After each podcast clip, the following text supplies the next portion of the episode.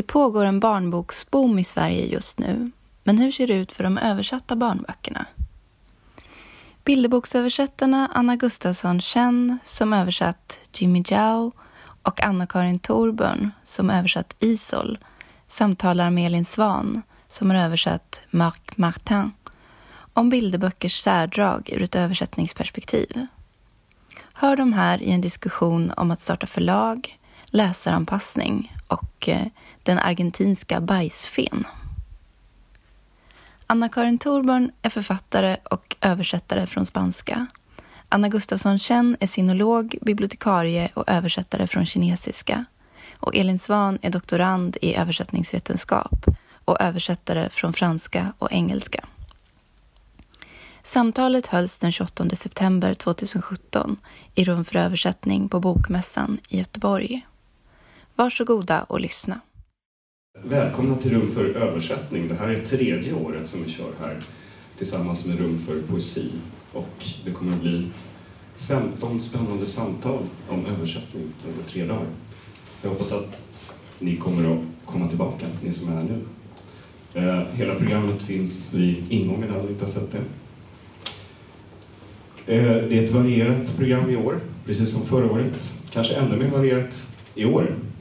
Eh, och vi har glädjen att få börja med ett, ett samtal om att översätta barn och böcker och illustrerade böcker. Och det är Elin Svan från Tolk och översättarinstitutet som kommer att moderera. Och på scenen sitter också Anna-Karin Torpen och Anna Gustafsson Känn.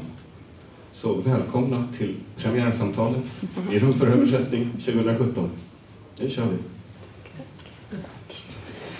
Ja, tack så mycket. Eh, precis, nu ska vi prata om att översätta för liten har vi kallat det och vi kanske kommer komma in på det lite, vad det är för skillnader jämfört med att översätta för, för vuxna. Jag sitter som sagt här med Anna-Karin Thorburn som översätter från, från spanska framförallt ehm, och bland annat den argentinska äh, Alma-pristagaren Isol ehm, och Anna Gustafsson Chen som översätter från kinesiska bland annat Jimmy Yao som vi har här. Vi tog med oss lite böcker. Jag översätter också från franska så jag har också med lite böcker här eh, från engelska. Eh, ja, då kan vi börja med första frågan då. Alltså, hur kom ni in på det här med, med barnboksöversättning från, från första början? Anna kanske vill? Jag är äldst så jag får börja. jag började först. Ja, eh, egentligen så har jag kanske jag tänker inte på mig själv direkt så mycket som en person som översätter barnböcker för att jag översätter ju ändå mest för vuxna. Mm. Men eh, att översätta barnböcker, ursäkta, det känns som att jag sitter långt från mikrofonen. Eh, det är väl något som jag kom in på kanske egentligen för att jag jobbade på bibliotek. Tidigare jobbade på internationella biblioteket i Stockholm och då så hade vi böcker på 120 olika språk runt omkring oss, varav väldigt många barnböcker, bilderböcker. Så. Eh, och då såg man alla de här böckerna och kände att ja, men det här måste ju svenska barn eller barn som inte talar de här språken måste också få läsa de här fantastiska böckerna. Och jag och en kollega till mig som heter Matilda Wallin vi gick runt till en massa förlag och försökte få ett intresse men det var ju omöjligt så till slut fick vi starta eget. Så vi startade en liten, en liten underavdelning till bokförlaget Tranan som vi kallade för Trasten och vi gav ut under några år ganska många barn bilderböcker och även böcker för mellanåldern och ungdomsböcker från Afrika, Asien, Latinamerika och även olika länder i Europa. Och då började jag översätta. Jag har ju två av de böckerna här, Otroso och Även ja, vi involverade även dessa personer. ja, så det var väl eh, ja. där. Så. Mm. Och Ja, det började med att jag skulle intervjua en argentinsk barnboksförfattare eh, som kom på besök till Sverige, Graciela Montes. Och så översatte jag en eh, bilderbok eh, av henne till tidskriften Karavan. Det var också där intervjun skulle publiceras. Och sen bestämde då Trasten eh, att eh, de ville ge ut hennes bok Otroso, som är den här kapitelboken. och då fick jag översätta den. Ehm, och det var bland det var min, första, min allra första översatta bok. Eh, och sen har jag... ja, det var så jag började. Och Mm. sen så när eh, Isol fick Alma-pris, eh, priset så eh, fick jag översätta hennes böcker som hon har gjort både illustration och text.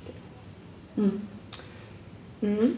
Ja, och för mig var det också då, det var ju den här eh, Äventyr i Bamako som var min första översatta bok också på Trasten då. Så att, eh, det är väl en plantskola. Tranan Trasten kan man. Eh, och det tänkte jag också för att det finns ju, ja nu har vi sagt liksom översättning för liten eller för barnböcker, men har ni liksom någon eh, viss eh, åldersgrupp som ni brukar översätta för, som det har råkat bli så? För min del så har det ju råkat bli bilderböcker och det är ju för att bilderböcker är, verkar vara det som går att få översatt från Mm. andra, alltså från mera exotiska språk. Så. Mm. Om det börjar bli kapitelböcker då blir förlagen genast jättenervösa för de tror att det kan man inte förstå, de här främmande konstiga kulturerna. Men bilderböcker går bra för att då är det liksom då är det fina bilder i alla fall. Så att, och det är mindre text och så. Så att jag tror att det är faktiskt mycket lättare att få en bilderbok översatt och utgiven helt Mm. enkelt än en eh, kapitelbok eller ungdomsbok. Ja, det är bilderböcker framför allt som jag också Ja. översatt. Och vad finns det då, eller har ni upptäckt några vissa skillnader eftersom ni översätter både då för, för eh, alltså vu- vuxenlitteratur och då barn? Vad är det för något som, som ni har märkt är de stora skillnaderna? Eller finns det någon, några stora skiljelinjer? Ja, ja Anna-Karin kan säkert säga mycket om det tror jag, för hon har tänkt till så bra. Vi har ju pratat ihop oss lite innan. Men, men alltså för min del så är väl det, är väl det helt enkelt att man kanske tar mer hänsyn till läsaren. Alltså en vuxenbok kan man bara utgå ifrån boken, men när man översätter för barn så får man ändå tänka lite på att den som ska läsa det kanske inte är så gammal och man får anpassa sitt språk lite. Annars kan det bli lite, lite fel.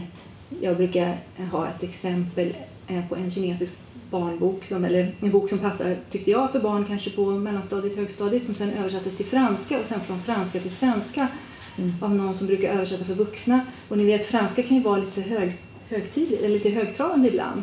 Och då blev det liksom meningar i stil med hennes mor som hos henne hade inpräntat självuppoffringens värde.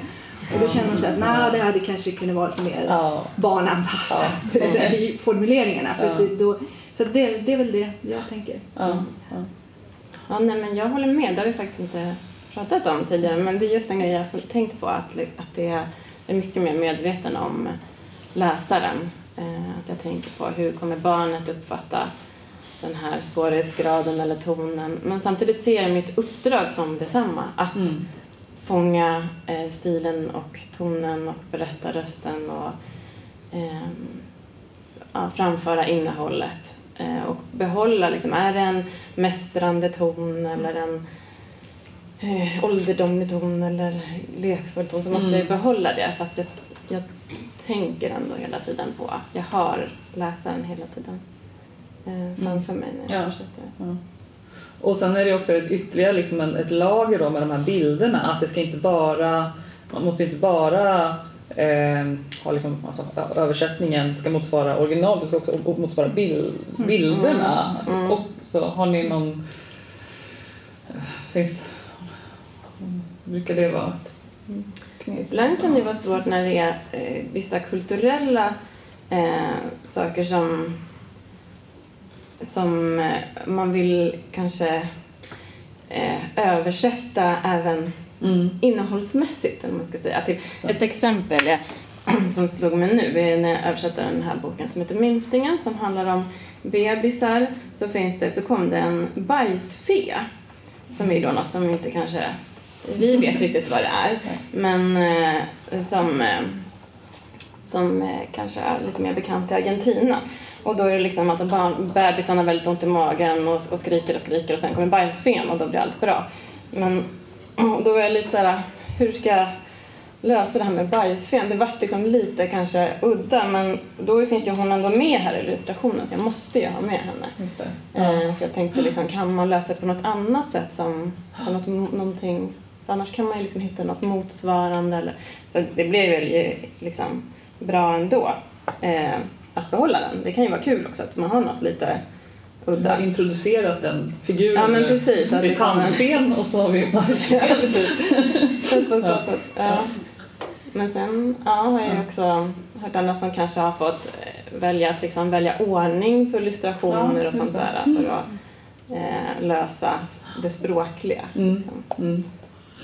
Mm, men nu, nu översätter ju vi som det slumpat sig, kanske inte mest från engelska som ju är det störst, liksom, mest, det som översätts mest från. Men har ni stött på några språk, liksom, språkliga språkproblem liksom, som har varit kluriga att översätta? Eller också, ja, men som, som du berättade om det här kulturspecifika, eh, just med, med era språk? Um, ja, jag, har, jag vet inte om det liksom är ett, ett problem riktigt, men någonting som jag, var, som jag tycker är bra att vara uppmärksam på. Jag tänker väldigt mycket på... Eh, alltså jag tycker det är viktigt att ha någon sorts eh, samhällsmedvetande också eh, när man översätter för barn. Eh, för att det är en ny generation som växer upp. Och eh, det finns, eh, till exempel så har det varit en ganska sned könsfördelning i barnlitteratur historiskt. Det har blivit jättemycket bättre, ska jag säga. Eh, men i, i, i latinska språk, som spanska, så är det ju också så att eh, orden är maskulina eller feminina. Och det maskulina är också representativt för en hel grupp. Eh, vilket vi inte har så i svenskan. Och då kan man liksom låta sig luras ibland och tänka att man måste vara en han eh, om det står maskulina artiklar. Och till exempel så är vissa ord som eh, niño eh, betyder både barn och pojke. Padre betyder både förälder och far. Då behöver det inte liksom, givetvis bli då pappan. För att det, eller liksom, att man ändå är lite medveten om det. Och jag har ett exempel då till exempel som en bok som jag översatte som handlar om ett möte mellan en ankom och en pojke som det blev här. Eh, men det hade gott och väl kunnat vara ett barn istället för en pojke. Då är det un nene på spanska och det kan vara liksom bara ett, en, en, en unge, liksom, ett barn. Och då, eh, om man läser den så, som den är nu så är det en pojke bra. Att han hade ju kunnat stå ett barn är bra att ha. Man bara, jag, jag tror bara det är tre uppslag där det pojke är med och du kan visa som exempel. Jag hittade en pojke som lyfte upp mig. Hade det kunnat vara, jag hittade ett barn som lyfte upp mig. Ehm, och sen barnet masserar mig på ryggen istället för han masserar mig på ryggen. Jag har honom som utsiktsplats, hade lika gärna kunnat stå. Jag har barnet som utsiktsplats.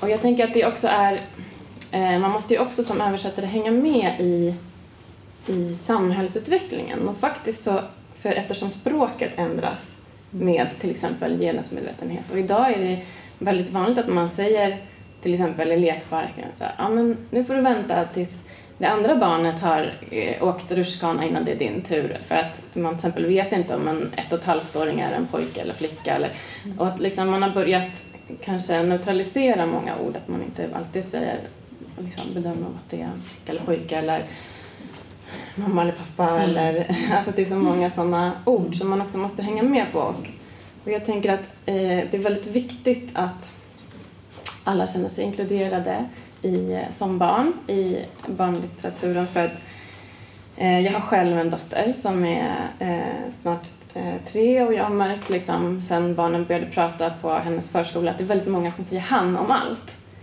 Alltså istället, man säger han, han, han, har man inte riktigt lärt sig men då blir det att det är så lätt att det faller sig att just han blir norm redan i, i så liten ålder. Och jag tänker så här att det måste komma från överallt att vi liksom utgår från helt oreflekterat till att alla djur är han och så vidare. Det är väldigt många, liksom när jag läser mina egna barnböcker som jag sparat från 80-talet så är nästan alla djur han och, och sådär och även fortfarande är det väldigt många Om de inte djur har som rosett för då Ja men precis, eller sminkade ögon. och så. att det är liksom, ja men det tänker jag är så här Mm. en, en Mm. sak som är medveten om egentligen oavsett språk men att just Mm, när möjligheten finns Ja. i språket. Ja, precis. Och det tänker jag också är en sak eh, som man kan prata med författaren om. Alltså, är det, är det viktigt, jag har tänkt här att det är, det har inte jag gjort med den här boken, det kan jag ångra idag faktiskt.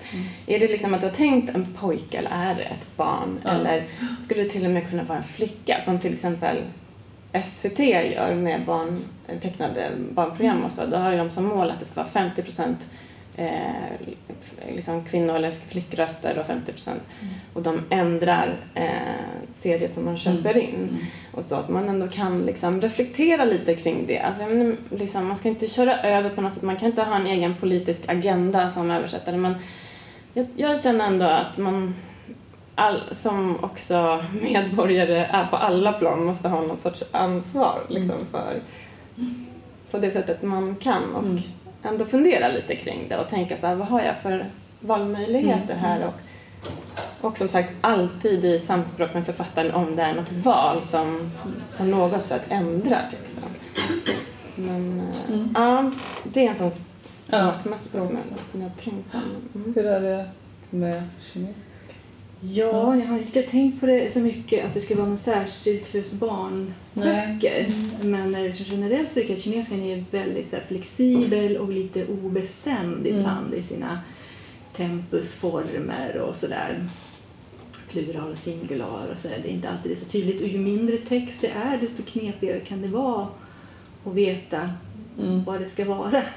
Eh, även om man kan då ha hjälp av bilder och så. Men det ger också en liten eh, frihet. Jag tänker ofta att det är mera kanske inte språkliga problem så mycket som kulturella skillnader. Eh, att man skriver på ett annat sätt. Jag tänker på Jimmy Liao, här har jag översatt tre böcker av honom. Det här är den som är mest eh, den har en mer sammanhållen historia men vissa av hans böcker är ju sådana att man känner att han har nog egentligen gjort en massa bilder först och sen satt han ihop dem. Och då kan det vara så här oerhört poetiskt på ett sätt som kanske för en svensk som är lite mer down to earth. Jag kan tycka att det är lite flummigt. Det är lite så här, åh, vackra mål. Ja. Det, det, kan bli lite för gulligt ja. eh, och lite obestämbart och så, och så är det liksom Ja, det, det, det, kan vara svårt att hitta den rätta tonen som eh, både stämmer överens med vad författaren faktiskt skrev men ändå inte känns helt fel på svenska. Mm. Så, och det, eh, men som sagt bilderböcker är ändå oftast lite enklare text om man har bilderna till hjälp så det brukar inte mm. vara så. Men har ni varit med om det någon gång att bilden har ändrats eller att det har varit något Nej. som... Nej. Nej. Nej, alltså inte jag heller. Men däremot så vet jag att jag har översatt den här, Den fantastiska Russi-tufsen av Beatrice Almagna och eh, i den, så vet, jag vet att den amerikanska utgåvan blev, nu ska jag bara hitta rätt, Rättsuppslag eh, blev ganska eh, mycket... De har helt enkelt tagit bort en eh, liten eh, kniv helt enkelt. Eh, oj, oj, oj, oj. Här ser ni att, ja, så här till och med eh, står ju eh, den här slaktaren och syns det något eller? Ja, så. Och pekar med en kniv och så droppar det lite blod ner. Eh, och det här blev eh, sa de liksom att det här går inte riktigt i USA eh, så de har helt enkelt tagit bort kniven då. Så att då blir det istället så att den här slaktaren bara pekar på henne Eh, och så ser hon så helt förskräckt ut. Eh, och det här vet jag att hon blev väldigt upprörd över för att hon tyckte liksom att nu blir det istället, här blir hon Alltså han, han jobbar ju här om man ser ju vad han håller på med. Eh, så istället så blir det som att, som att hon blir så livrädd för att han pekar. Eh, och det är ju också lite, liksom lite märkligt eh, att barnet skulle bli rädd så av, av den anledningen. Så det, det är ju en sån ehm, ja, ändring. Men det, det verkar de inte ha, inte ha kollat med henne heller utan de verkar bara ha gjort det. Liksom, mm. så, här, så att, ja, jag vet att det var lite, så här, lite, lite olyckligt kanske. Um, det har däremot varit med om att man kanske i amerikanska översättningar av en text har ändrat texten väldigt mycket eller kanske mm. till och med skrivit om den nästan helt. Och sen när den då ska översättas till svenska så blir det svenska förlaget så här, men, men det här som du har översatt är inte likadant som Nej. den vi läste från agenten. Så här. Det gäller i och för sig för en del vuxenböcker också. Ja. Och det är ju lite eh, knepigt. Liksom. Ja. ja. vad ska vi göra då? Vilken, vilken förlaga ska man använda sig av? Och, eh, Precis, att, att, att, att eh, förlagen kanske nästan vill använda sig av den engelska översättningen som, ett, de köpte, som ett original. Den, den liksom. de såg och hade läst mm, och sådär. Mm. Det, det, ju, det kan ju vara ett problem när man översätter så konstiga språk ja. som spanska, franska och kinesiska. att, eh, språkkunskaperna på förlaget kanske inte riktigt matchas så. Nej. Ehm, det var något mer jag tänkte på här. Men om ni, får, om ni skulle liksom få helt eh, tänka högt här och helt fritt. Har ni några drömuppdrag som ni skulle vilja, som ni skulle vilja göra? Mm. Det fanns det. Ja. Så jag har tagit med mig två böcker faktiskt. Ja. Jo, men för jag tycker att det skulle vara roligt att översätta något som inte är bilderböcker faktiskt. Jag har inget emot bilderböcker, jag tycker de är jättefina. Men det finns ju litteratur för äldre barn också och jag tycker att det är också när man blir lite större så, så kan man ju, alltså jag tycker det är en så konstig attityd det här att eh, barn kan inte förstå sig på sådana här konstiga exotiska kulturer men de kan helt leva sig in och bo i en internatskola eh, där folk håller på med magi. Det är väl inte mer vardagligt för en svensk, ett svenskt barn. Eh, och det finns ju liksom fina, det, det gäller ju att hitta, jag tror att eh, ett problem är ju kanske att om man eh, får tips från eh, säg en förläggare i Kina som tycker att det här är den bästa boken, de har sålt jättebra i Kina, då är ju inte alltid det den boken som funkar i Sverige. Så att man måste själv välja och eh, ges det ut eh, flera tusen böcker om året så är det klart man kan hitta något bra. Och då har jag ett par. Till exempel så har jag den här jättefina boken av en författare som heter Peng Shui-Jun som heter Yaomen som är en Yaomen är en sån här dörr som når ut ur midjan, lite salondörrsaktig sån dörr. Det handlar om en flicka som åker, hon ska, hennes föräldrar jobbar på järnväg, med järnvägsbygge, hon får bo hos en gammal tant i södra Kina i Yunnan. Och det är lite så här vardagligt berättelser, vilka människor hon träffar och vad hon upplever under sin tid där. Och den har jätte, jättefina illustrationer här. De i skolan har en sångtävling och det är så här, så här minoritetsfolk också som är med. Så det är jättegulliga små berättelser här. Jag tror att den skulle kunna funka jättebra på svenska och ni ser ju själva så här, här är någon som har dött också. Då har de en begravning. Så där. Den, den, det är en sån här ja, fin vardagsskildring. Och sen så skulle jag gärna översätta den här eh, från Taiwan som heter Buktalarens dotter som är lite mer ruskig historia om en flicka som hennes pappa kommer hem från Peru med en buktalardocka och den börjar liksom påverka henne på ett mystiskt sätt och lite magi och sådär. Den finns faktiskt på engelska så då kanske man till och med kan ha en chans att någon kan läsa den och intressera sig för den. Den här boken finns däremot bara översatt till franska och det verkar inte så många förlag tycka att det, det tycker de är lite jobbigt att läsa. Så det svårt. Men det skulle vara roligt tycker jag. Något lite mer Mm. med text. Ja, alltså generellt så, så tycker jag att det är så roligt att översätta barnlitteratur och just bilderböcker för att det är liksom också eh, utmanande på så sätt att det är så lite text och varje ord är så viktigt och det gör så stor skillnad man bara liksom ändrar någon liten nyans och det på så sätt samma lite liknande arbete som poesi kanske att man verkligen kan fundera en hel dag på en rad och liksom testar och jag, jag har ofta gjort så att jag liksom har tagit liksom när jag jobbar, den original, spanska originalboken och så testar jag och sätter upp olika små lappar Det med gör jag också. Ja, Ja. Tejpar över nästan. jag precis tejpar Ja. över för att man måste Så också måste se, se. samspel med, med bilden och liksom se de här få orden för sig och läsa högt och ehm, och eh, ja, så det tycker jag är liksom väldigt Ja. Ja. eh, stimulerande eh, och kul liksom. Ehm, så generellt bara mer, Mer. bilderböcker Ja. men också Sen har eh, Graciela Monte som har skrivit den här Autorosa också en jättefin serie bilderböcker eh, som handlar om eh, en liten tjej som hämnas mot vuxnas auktoritet på olika sätt. Alltså det är till exempel så en bok eh, eh, handlar om när hon, hennes mamma varje morgon flätar hennes hår eh, väldigt hårt. Liksom. Hon, upplever, hon, hon skriver också Graciela Montes väldigt lekfullt och eh, det blir väldigt hisnande berättelser av enkla vardagssituationer. Men då liksom så är det som att mamman kammar hennes hår med stora krokodilkammar eh, och liksom det blir väldigt våldsamt och så vidare. Och sen kommer, har hon då en sorts hemlig kompis, hon heter Emma den här lilla tjejen, och så har hon en, en hemlig kompis som heter Stor-Emma som klampar in och då ska kamma mammans hår på samma sätt och flätar och gör en sån här stram fläta och så ska de gå iväg till skolan och så liksom kan mamma inte säga någonting för Stor-Emma är liksom upp till taket.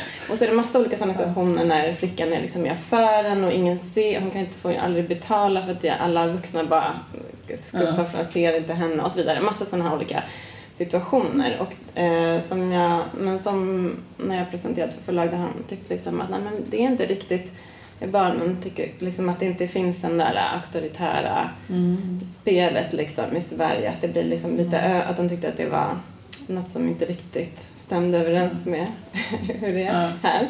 Men jag tänker att man också kan uppleva det. Så ja. även, alltså, även om det bara är sitt still eller liksom alla sådana tillsägelser kan bli så starka mm. för barn. Liksom. Eller alltså, att de ändå har sådana ja. känslor även om de måste få höra och, och föräldrarna måste bestämma mm. ibland. Liksom. Men hur som helst, den, det som jag tycker är just så härligt är att det, är, det blir så fantasifullt fast i, de här, hur hon skildrar det. Eh, även om det är alltså hela vardagsberättelsen. Så de skulle jag mm. gärna eh, mm. jobba med. Nu inser jag att jag har glömt en fråga, eh, så vi kan försöka ta den lite snabbt. Vad är det svåraste ni har stött på? Om ni kan sammanfatta det lite, kanske i just barnböcker, översättning. Då. Jag har inget konkret exempel utan mer alltså just den där, alltså det arbetssättet att, att ja. varje ord är så viktigt. Ja, guldvåg liksom, liksom hela tiden. Ja. Ja. Jag, tror, jag, jag, kan inte heller ge något jättebra exempel men jag har, ju, jag har haft ett par översättningar där jag har jobbat med språk som jag egentligen inte kan mm. Via ett, ett, tredje språk och där jag haft en person som kan originalspråket mm. mm. som, och så har, har tittat på mina översättningar så har vi liksom jobbat ihop. Det var ju svårt för mm. att man inte hade koll, eller man kände att jag vet inte riktigt. Men då hade jag ju i alla fall någon som kunde originalspråket, det var vietnamesiska i det här fallet, och som kunde kolla och säga att du har uppfattat det rätt. Men, mm. men det är ändå alltid lite skeva då, för då var ju hennes svenska inte kanske alltid hundra. Mm. Så, här. så då, då känner man sig ha, nyanserna kanske mm. försvinner. Mm. Men jag tror det blev okej. Okay. ja. ja, ja men lite Ska vi, någonting, några sista ord som ni känner att ni vill säga, något som inte har, vi har inte kommit in på? Ja. Nej, bara att vi får översätta fler barnböcker. Mer barnböcker, ja. säger vi. Ja. Tack så mycket. Tack.